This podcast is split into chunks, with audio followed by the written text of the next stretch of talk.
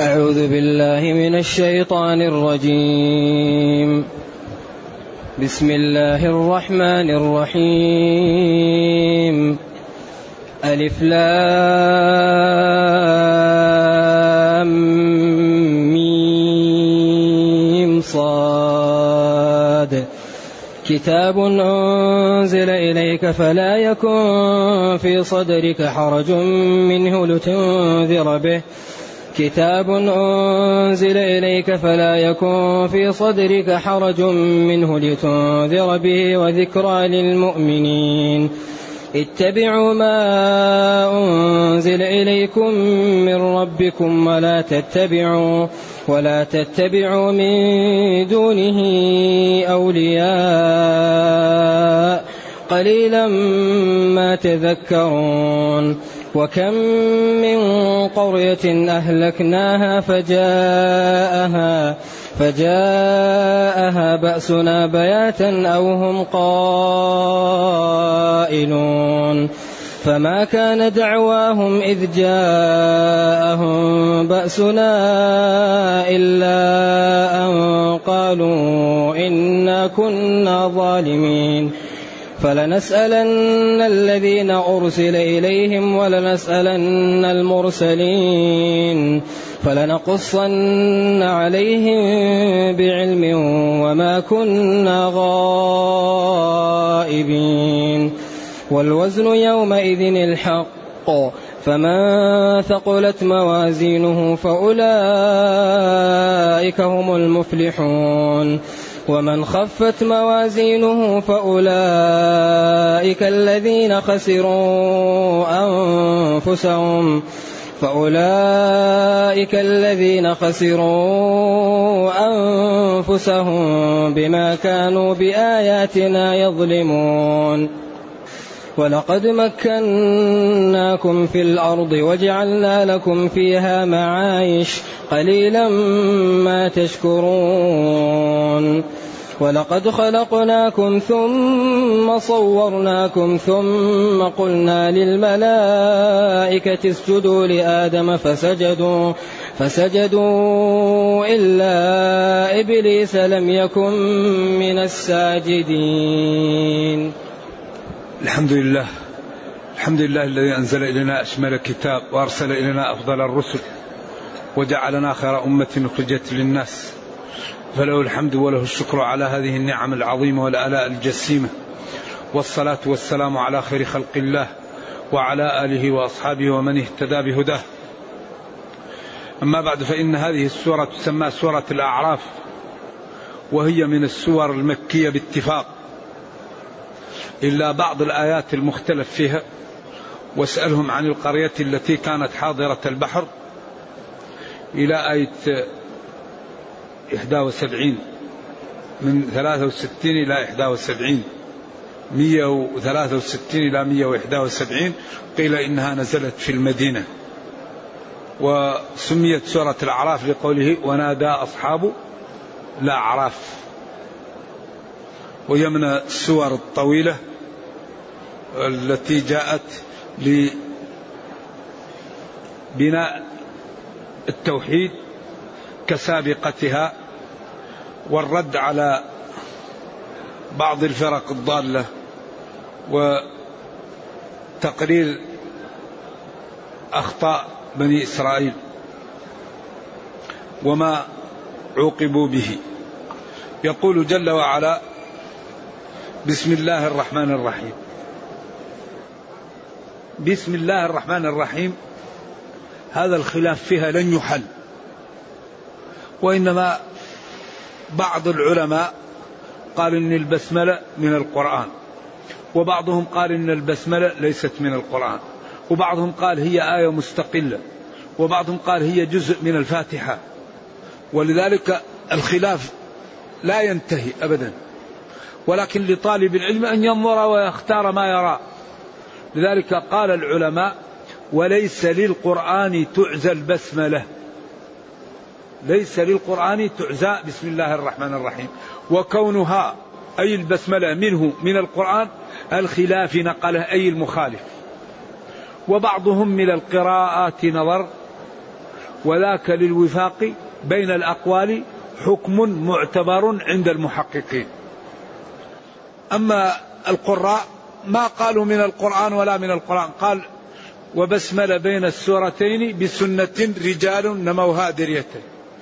والشاطبي وقال ابن الجزاري في الطيبة بسمل بين السورتين بنصف دم ثق.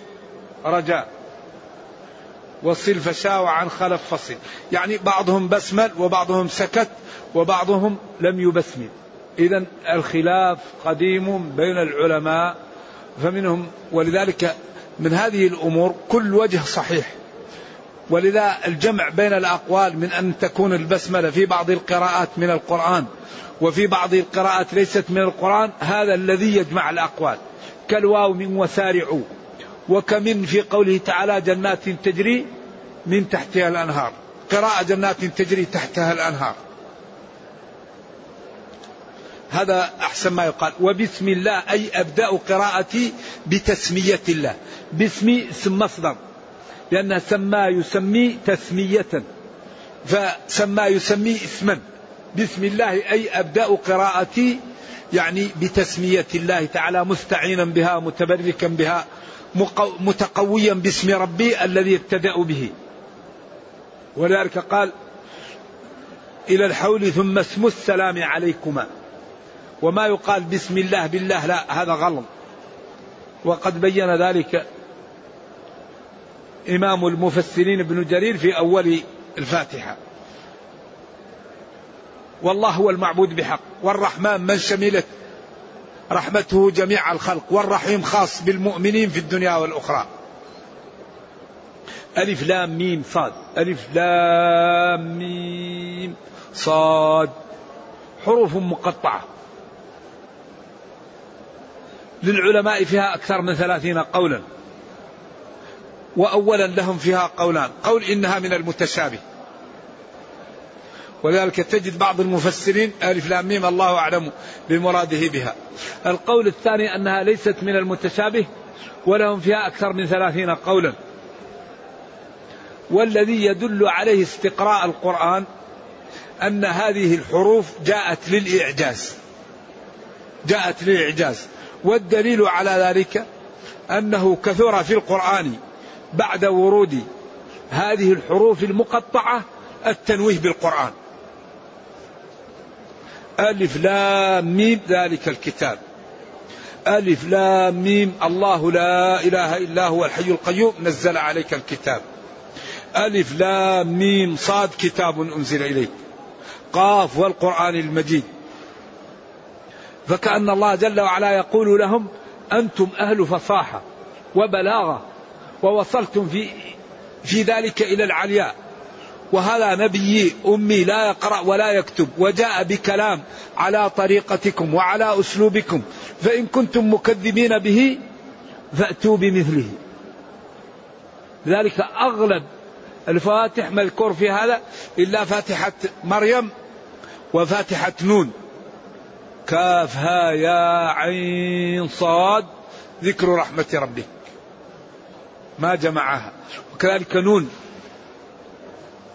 والقلم وإن كان ما يسطرون قد يقال إنه القرآن أنه الكتب. لكن كاف ها يا عين هذه لم تأتي معها. فقال العلماء الاستقراء حجة والاستقراء هو التتبع. تتتبع الأمر وعن طريق ذلك التتبع تحكم. مثلا الآن علمنا أن اللغة العربية تتكون من اسم وفعل وحرف. هذا علمناه بالاستقراء. كذلك علمنا أن هذه الحروف جاءت للإعجاز. أنتم أصحاب فصاحة وبلاغة. أنا أرسلت إليكم نبي وأتيته بكلام من جنس كلامكم فإن كنتم مكذبين به فأتوا بمثله فإن عجزتم فبادروا بالتوبة ودخول هذا الدين. وإلا ستعرضون أنفسكم للهلكة والعطب. هذا أحسن ما يقال في هذا. ألف لام ميم صاد كتاب. أي كتاب عظيم. كتاب لا يأتيه الباطل. كتاب يتدبر. كتاب يفهم. كتاب يحفظ. كتاب يتأسى به. كتاب يمكن أن تكون خبر. وهذا أكثر ما يكون. براءة هذه براءة. كتاب هذا كتاب. ومنهم من قال يمكن أن تكون ألف لام ميم مبتدأ وهذا بعيد. والكتاب خبر. لكن لا الأولى أن هذه الحروف لا يقصد منها في ذاتها تركيب وإنما جاءت إشارة إلى ما يتكون منه القرآن. لذلك لم ت... كتبت كتابة تختلف عن الكتابة الحروف الأخرى. لذلك هذا الكتاب معجز بكل ما تتحمله كلمة معجز. هذا الكتاب لا يمكن أن يقاوم أبدا. لا لا يمكن أن أن يقرأه إنسان ويفهمه إلا آمن بهذا الدين واستقام لجمال ما يدعو إليه ولخطر ما ينهى عنه ولكثرة المعاني والخير الذي فيه. إذا كتاب عظيم. تبيان لكل شيء. أنزل إليك. هنا حذف الفاعل. لأن المعروف أن الذي أنزله الله. ولذلك هذا من الإيجاز. إيجاز الحذف. وأصل الكتابة هو جمع شيء لشيء. ومنه قول الحريري والكاتبون وما خطت أناملهم. يقصد الخياط. الزيف في مقامات الحريري يقول الكاتبون يقصد الخياطون. ومنه قول الشاعر مشلشل ضيعته بينها الكتب. الكتب اللي هي الخياطة التي تكون في القربة لما يتوسع الغرز يكون ينزل معها الماء. ومنه الكتيبة لأنها تكون جماعة كثيرة من الجيش مع بعض فكأنها زي المجموعة مع بعض. إذا الكتاب هو المكتوب وهو الحروف والكلمات المجموعة بعض. أنزل أي أنزله الله وحذف الفاعل للعلم به. إليك يا نبي. فلا لا ناهية يكون يصر ويقع. في صدرك في قلبي في قلبك. حرج ضيق أو ألم أو شك أو هما معا. إذا هذه الحروف المقطعة هي هذا الكتاب. الذي أنزله الله إليك. فلا يكون في صدرك شك ولا حرج منه أنه جاء من عند الله وأنه معجز وأنه هو الذي ينقذ البشرية لتنذر به لتخوف به الخلق وتبين له أن النجاة في التمسك به وبالعمل به. فلا يكن في صدرك حرج منه وأصل الحرج هو الضيق.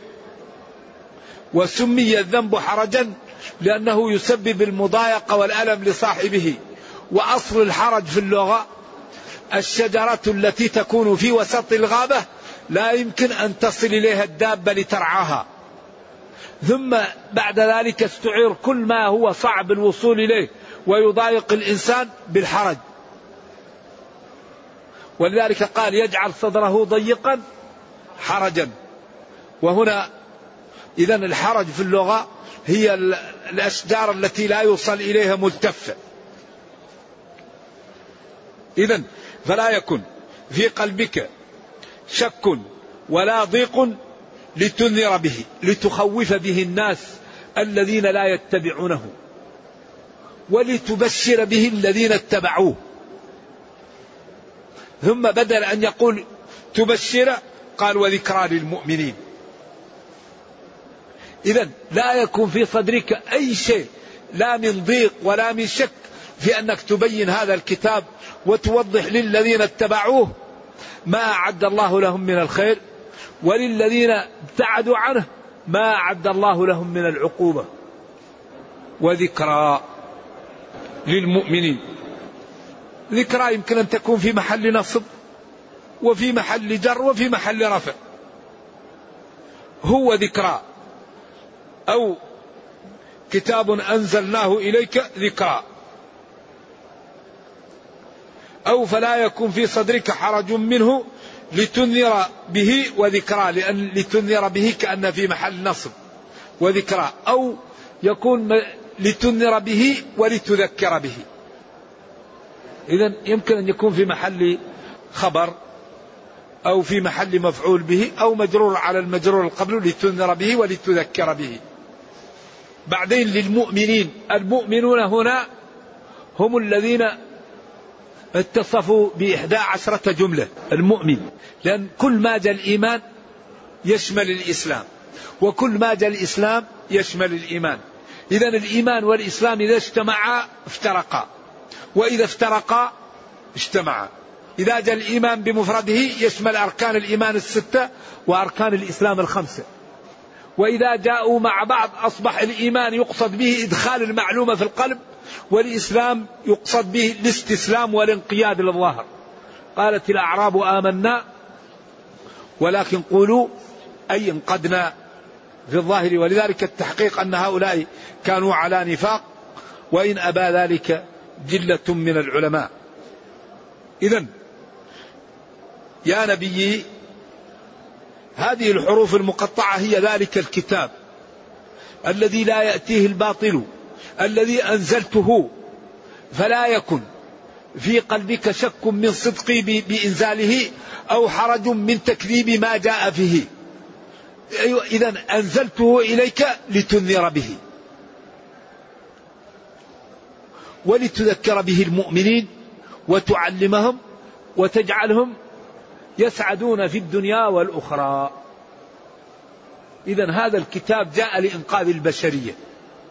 هذا القرآن جاء لإنقاذ البشرية.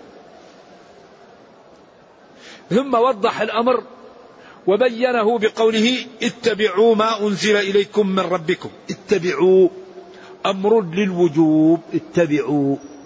واجب. اتبعوا المنزلة.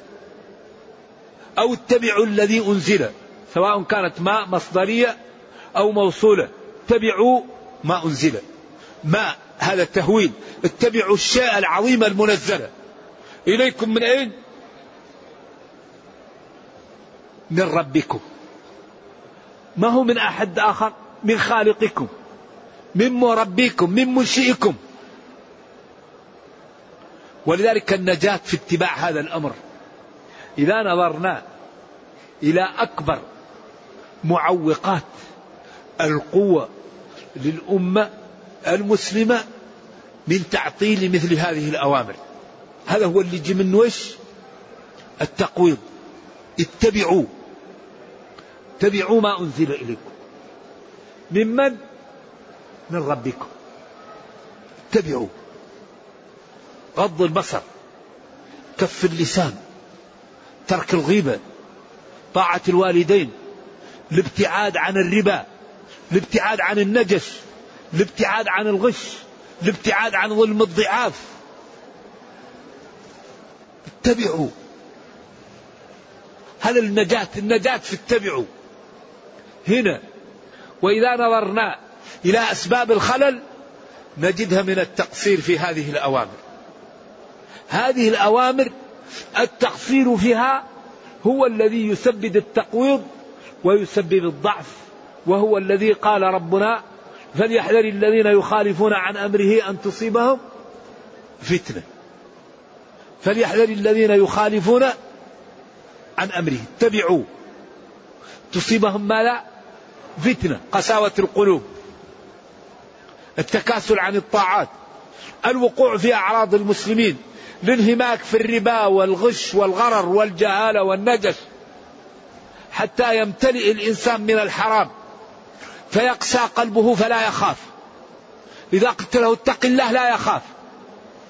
إذا قلت له انتبه من القبر لا يخاف.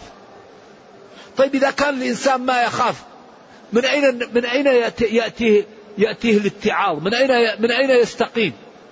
لأن أكبر أسباب الاستقامة هو الخوف. كل ما علم العبد ما عند الله خافه.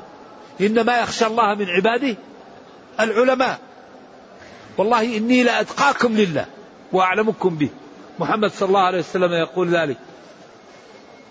فلذلك قال اتبعوا ما أنزل إليكم من ربكم وهو هذا الوحي. الوحي الكتاب والسنة. والسنة كلها دخلت في آية. هذا القرآن بحر. وما أتاكم الرسول فخذوه وما نهاكم عنه فانتهوا. هذه القولية. والفعلية والتأسية. قل إن كنتم تحبون الله فاتبعوني. يحببكم الله. من يطيع الرسول فقد اطاع هذه الآيات دخلت فيها كل السنة بأنواعها. ذلك الصحابي اللي قال وما لي لا ألعن من لعن الله؟ قالت له قرأت دفتي المصحف ولم أجد في هذا. لعن الله الواشمة والمستوشمة والواصلة والمتفلجات للحسن المغيرات خلق الله. قالت قرأت الدفة المصحف ولم أجدها. قال إن كنت قرأتيه لوجدتيه ابن مسعود. ألم تقرأي وما أتاكم الرسول فخذوه؟ قالت بلى. قال نهى عن هذا ولعنوا والشافعي قال والله لا تسألوني إلا أجبتكم من القرآن. الشافعي وقف على المنبر وقال والله لا تسألوني إلا أجبتكم من القرآن. فقال له ما تقول في المحرم يقتل الزنبور؟ قال حدثني فلان عن فلان أن نبينا صلى الله عليه وسلم قال اقتدوا بالذين من بعدي أبي بكر وعمر. وحدثني فلان عن فلان أن عمر سئل عن المحرم يقتل الزنبور فقال لا شيء عليه. لكن الشافعي يريد أنه إذا كان لا علم عنده يقول الله أعلم وهذه إجابة من القرآن. لأن الله يقول ولا تقفوا فإذا كان لا يعلم يقول لا أعلم. ولذلك لا يمكن أن يقسم الشافعي إلا وهو ينوي هذا. لأن الله يقول وما أوتيتم من العلم إلا قليلا. فالشافعي يقسم على أنه إن علم من القرآن قال وإن لم يعلم من القرآن أجاب بالقرآن لأن الله أعلم إجابة بالقرآن. ولا تتبعوا من دونه أولياء. ولا تتبعوا من دون الله أولياء. أصدقاء ومصافين لا ينفعون لكم شيئا. قليلا ما تذكرون. قليلا ما تذكرون. تذكرون. يتذكرون. ثلاث قراءات سبعية. تذكرون أصلها تتذكرون وتذكرون وما بتاء ابتدي قد يقتصر على ويتذكرون للغيبة إذا نهى عن اتباع الأولياء من دون الله الذين يوبقون من اتبعهم. ولذلك قال اتبعوا ما أنزل إليكم اتبعوا الوحي ولا تتبعوا من دونه أولياء. سواء كان شيوخ أو أقارب أو آباء أو أجداد. لا اتبعوا الوحي. اتبعوا ما أنزل إليكم من ربكم. لذلك الخير كله في الاتباع.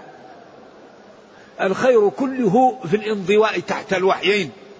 وأن الإنسان يبني حياته على النصوص. عندك نص أتيني به ما عندك نص لا تلزمني. لأن الله قال اليوم إيش؟ أكملت لكم دينكم. وقال تبيانا لكل شيء. إذا يتعود الإنسان على أنه إذا كان فيه نص يقبل ما فيه نص. لا, لا نلزم بغير النصوص. ولا تتبعوا من دون الله أولياء جمع ولي قليلا ما تذكرون حيث تتركون النصوص وتتبعون هؤلاء آباءهم وأجدادهم وعاداتهم وتشريعاتهم من أنفسهم وهذا خطر. ولذلك من أسباب منع أبي طالب من الإيمان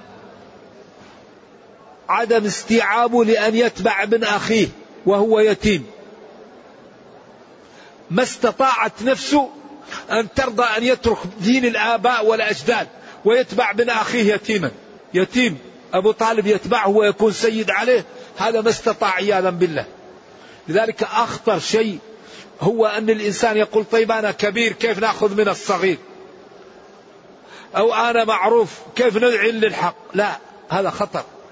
الحق يقبل ممن قاله والخطأ يرفض ممن قاله ولذلك أبو طالب قال ولقد علمت بأن دين محمد من خير أديان البرية دينا. إيش؟ لولا الملامة. لولا الملامة أو حذار مسبته. هذا اتبع بن أخيه وهو سيد الوادي. لوجدتني سمحا بذاك مبينا. وقال والله لن يصلوا إليك بجمعهم حتى أوسد في التراب دفينا. ولكن عياذا بالله آخر ما قال هو على ملة عبد المطلب.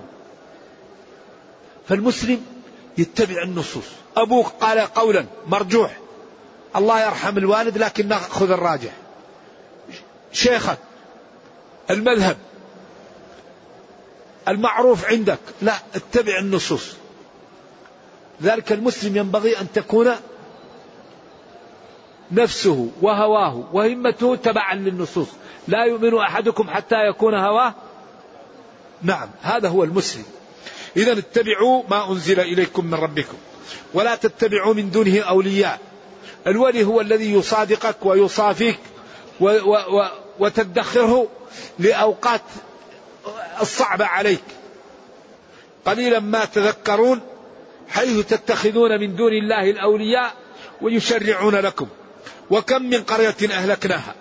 كم للتكثير قرية يعني مدينة. والقرية تقال للسك للمباني وأهلها. والمقصود أهل القرية. أهلكناها يعني فجاءها بأسنا. إما هنا في مقتضى أو تقديم وتأخير. وكم من قرية جاءها بأسنا فأهلكناها. أو كم من قرية أردنا إهلاكها فجاءها بأسنا بياتا أو هم قائلون. وكثير وكثير من القرى أهلكناهم أردنا إهلاكهم فجاءهم بأسنا. لوط وهود ونوح وصالح. قوم ذبحوا الناقة. أولئك طففوا الكيل. أولئك ألف سنة إلا خمسين عام فدعا عليهم فجاءهم الطوفان. إذا كثير من القرى أهلكها الله فجاءها بأسنا. بياتا وهم قالوا جاءها بأسنا في وقت غرة. إما في النوم أو القيلولة. ولذلك البأس يأتيهم في وقت لا يظنون أنه يأتيهم. فما كان دعواهم هؤلاء جاءهم بأسنا إلا أن اعترفوا في وقت لا ينفعهم الاعتراف ولا فائدة لهم فيه. فما كان دعواهم هؤلاء إذ جاءهم نزل حل بهم عقوبتنا إلا أن قالوا إنا كنا ظالمين. فلنسألن الذين أرسل إليهم ولنسألن المرسلين. سنسأل المرسل إليهم والمرسل إليهم حتى يظهر كذب هؤلاء وصدق هؤلاء. حتى يظهر صدق الرسل وتكذيب أممهم بهم وعدم اتباعهم لهم. ثم وضح ذلك وأنه يسألهم سؤال عقوبة وتعنت وتوبيخ فلنقصن عليهم بعلم وما كنا غائبين. نقصن يعني نحكين ونوردن عليهم ما كان بينهم بعلم كامل لا يغيب عنا منه شيء وما كنا غائبين عنهم لأن الله تعالى علمه محيط بكل شيء وقدرته محيطة بكل شيء وهذا إخبار لكي ينجو الناس ويأخذوا من أنفسهم لأنفسهم قبل أن يفوت الأوان. لأن هذه فرصة. هذا الإخبار لتعتبر الناس وتستفيد. والوزن يومئذ الحق. الوزن. ميزان. والذي تقول المعتزلة وغيرها من الفرق الضالة إن ما فيه وزن هذا باطل. لأن الله قال الوزن. وقال ومن أصدق من الله قيلا. يأتي ميزان. فمن ثقلت موازينه فأولئك هم المفلحون. ومن خفت موازينه فأولئك الذين خسروا نقصوا أنفسهم حظوظها بأن جعلوها من أهل النار. والخسران هو النقصان. لأن الإنسان رأس ماله عمره. فإذا ضيع عمره نقص حظ نفسه وجعلها تعاقب بدل من أن تكرم. فهذا هو الخسران المبين. كما قال قل إن الخاسرين الذين خسروا أنفسهم وأهليهم يوم القيامة ألا ذلك هو الخسران المبين. إذا والوزن يومئذ الحق. يأتي الميزان وكل واحد يزن له عمله.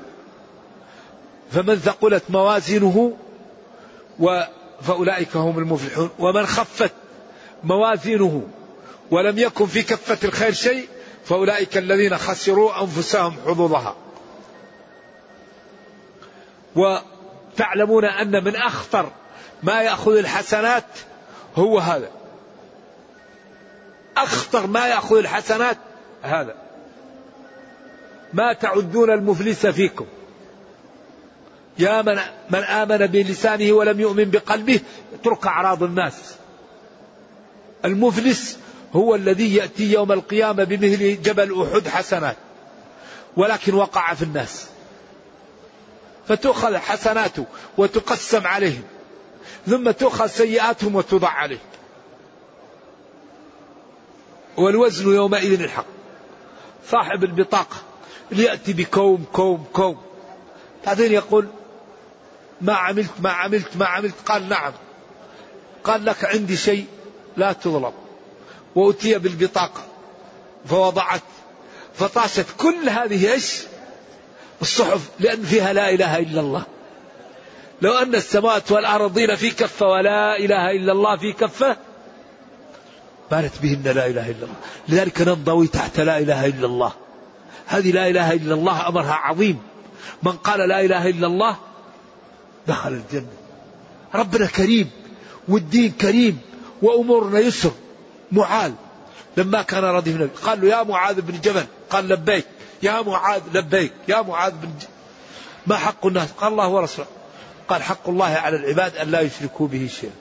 وحق حق أن وحق العباد على الله أن لا يعذب من لا يشرك شيئا. قال فلا أبشر الناس. قال إذا يتكلوا والحديث الصحيح. فأخبر بها معاذ عند موته. تأثما خاف أن يكتم العلم. إذا الخير كثير. لكن المشكلة الذي يموت على غير الإيمان. المشكلة الذي يأتيه الشيطان عند التخبط عند الغرغرة ويكفره. يكون الإنسان عطش أو خائف. يقول له قلت لا نأتيك بالماء. لذلك قال العلماء ويموت المسلم وهو غضبان. المسلم إذا أراد أن يموت يأتيه الشيطان ويحاول أن يكفره فيغضب المسلم لاحتقار الشيطان له ويأتي الملك وينزع روحه وهو غضبان لأن الشيطان يحتقره ويحاول أن يكفره. لذلك أخطر شيء أن يؤخذ إيمان الإنسان قبل أن يموت. ذلك دائما يستصحب لا إله إلا الله لعل الله تعالى أن يميته عليها لأن من كان آخر كلامه لا إله إلا الله دخل الجنة. إذا والوزن يومئذ الحق. فمن ثقلت موازينه فأولئك هم المفلحون. ومن خفت موازينه فأولئك الذين خسروا أنفسهم بما كانوا بآياتنا يظلمون. فأولئك الذين خسروا نقصوا نفوسهم حظوظها بسبب ما كانوا يظلمون. يظلمون أنفسهم. يظلمون الناس. يظلمون أقاربهم. يظلمون والظلم هو وضع الشيء في غير موضعه. ومن أكبر الظلم الكفر. عبادة غير الله. دعاء غير الله. الالتجاء إلى غير الله. اعتقاد أن غير الله يعلم الغيب. اعتقاد أن غير الله ينفع ويضر. هذه كلها أمور خطيرة. إذا هذه الأمور الآن حكيت لنا ونحن في الدنيا. هذه نعمة. كل واحد منا يحتاط. كل واحد منا يجتهد. كل واحد منا يتجنب موارد ما لا العطب. نرجو الله جل وعلا أن يرينا الحق حقا ويرزقنا اتباعه وأن يرينا الباطل باطلا ويرزقنا اجتنابه. وأن لا يجعل الأمر ملتبسا علينا فنضل. اللهم ربنا آتنا في الدنيا حسنة وفي الآخرة حسنة وقنا عذاب النار. سبحان ربك رب العزة عما يصفون وسلام على المرسلين والحمد لله رب العالمين. بس بس كم؟ يقول ما حكم التطيب للصائم؟ لا يضر إلا أنه للشاب. لو يتركه لا يضر لكن التطيب جائز للصائم ما في شيء. لكن من يحرك فيه شيء الأولى أنه يبتعد عن الطيب. هل تعد أجنبية امرأة الأب؟ لا امرأة الأب ليست أجنبية. زوجة الأب وزوجة الإبن محرمة. أب الجد وجد الجد. نعم. بالنسبة لصهرها أي زوج ابنة زوجها. لا. إذا كان زوج ابنة زوجها وهي ليست أمها لا. امرأة الأب محرمة لأبنائه. وأبناء أبناء أبنائه من جهة الأولاد والبنات. لكن إذا كان الأب له زوجة والزوجة هذيك لها ابن آخر وليس هو ابنه لا يكون محرم للثانية. نعم.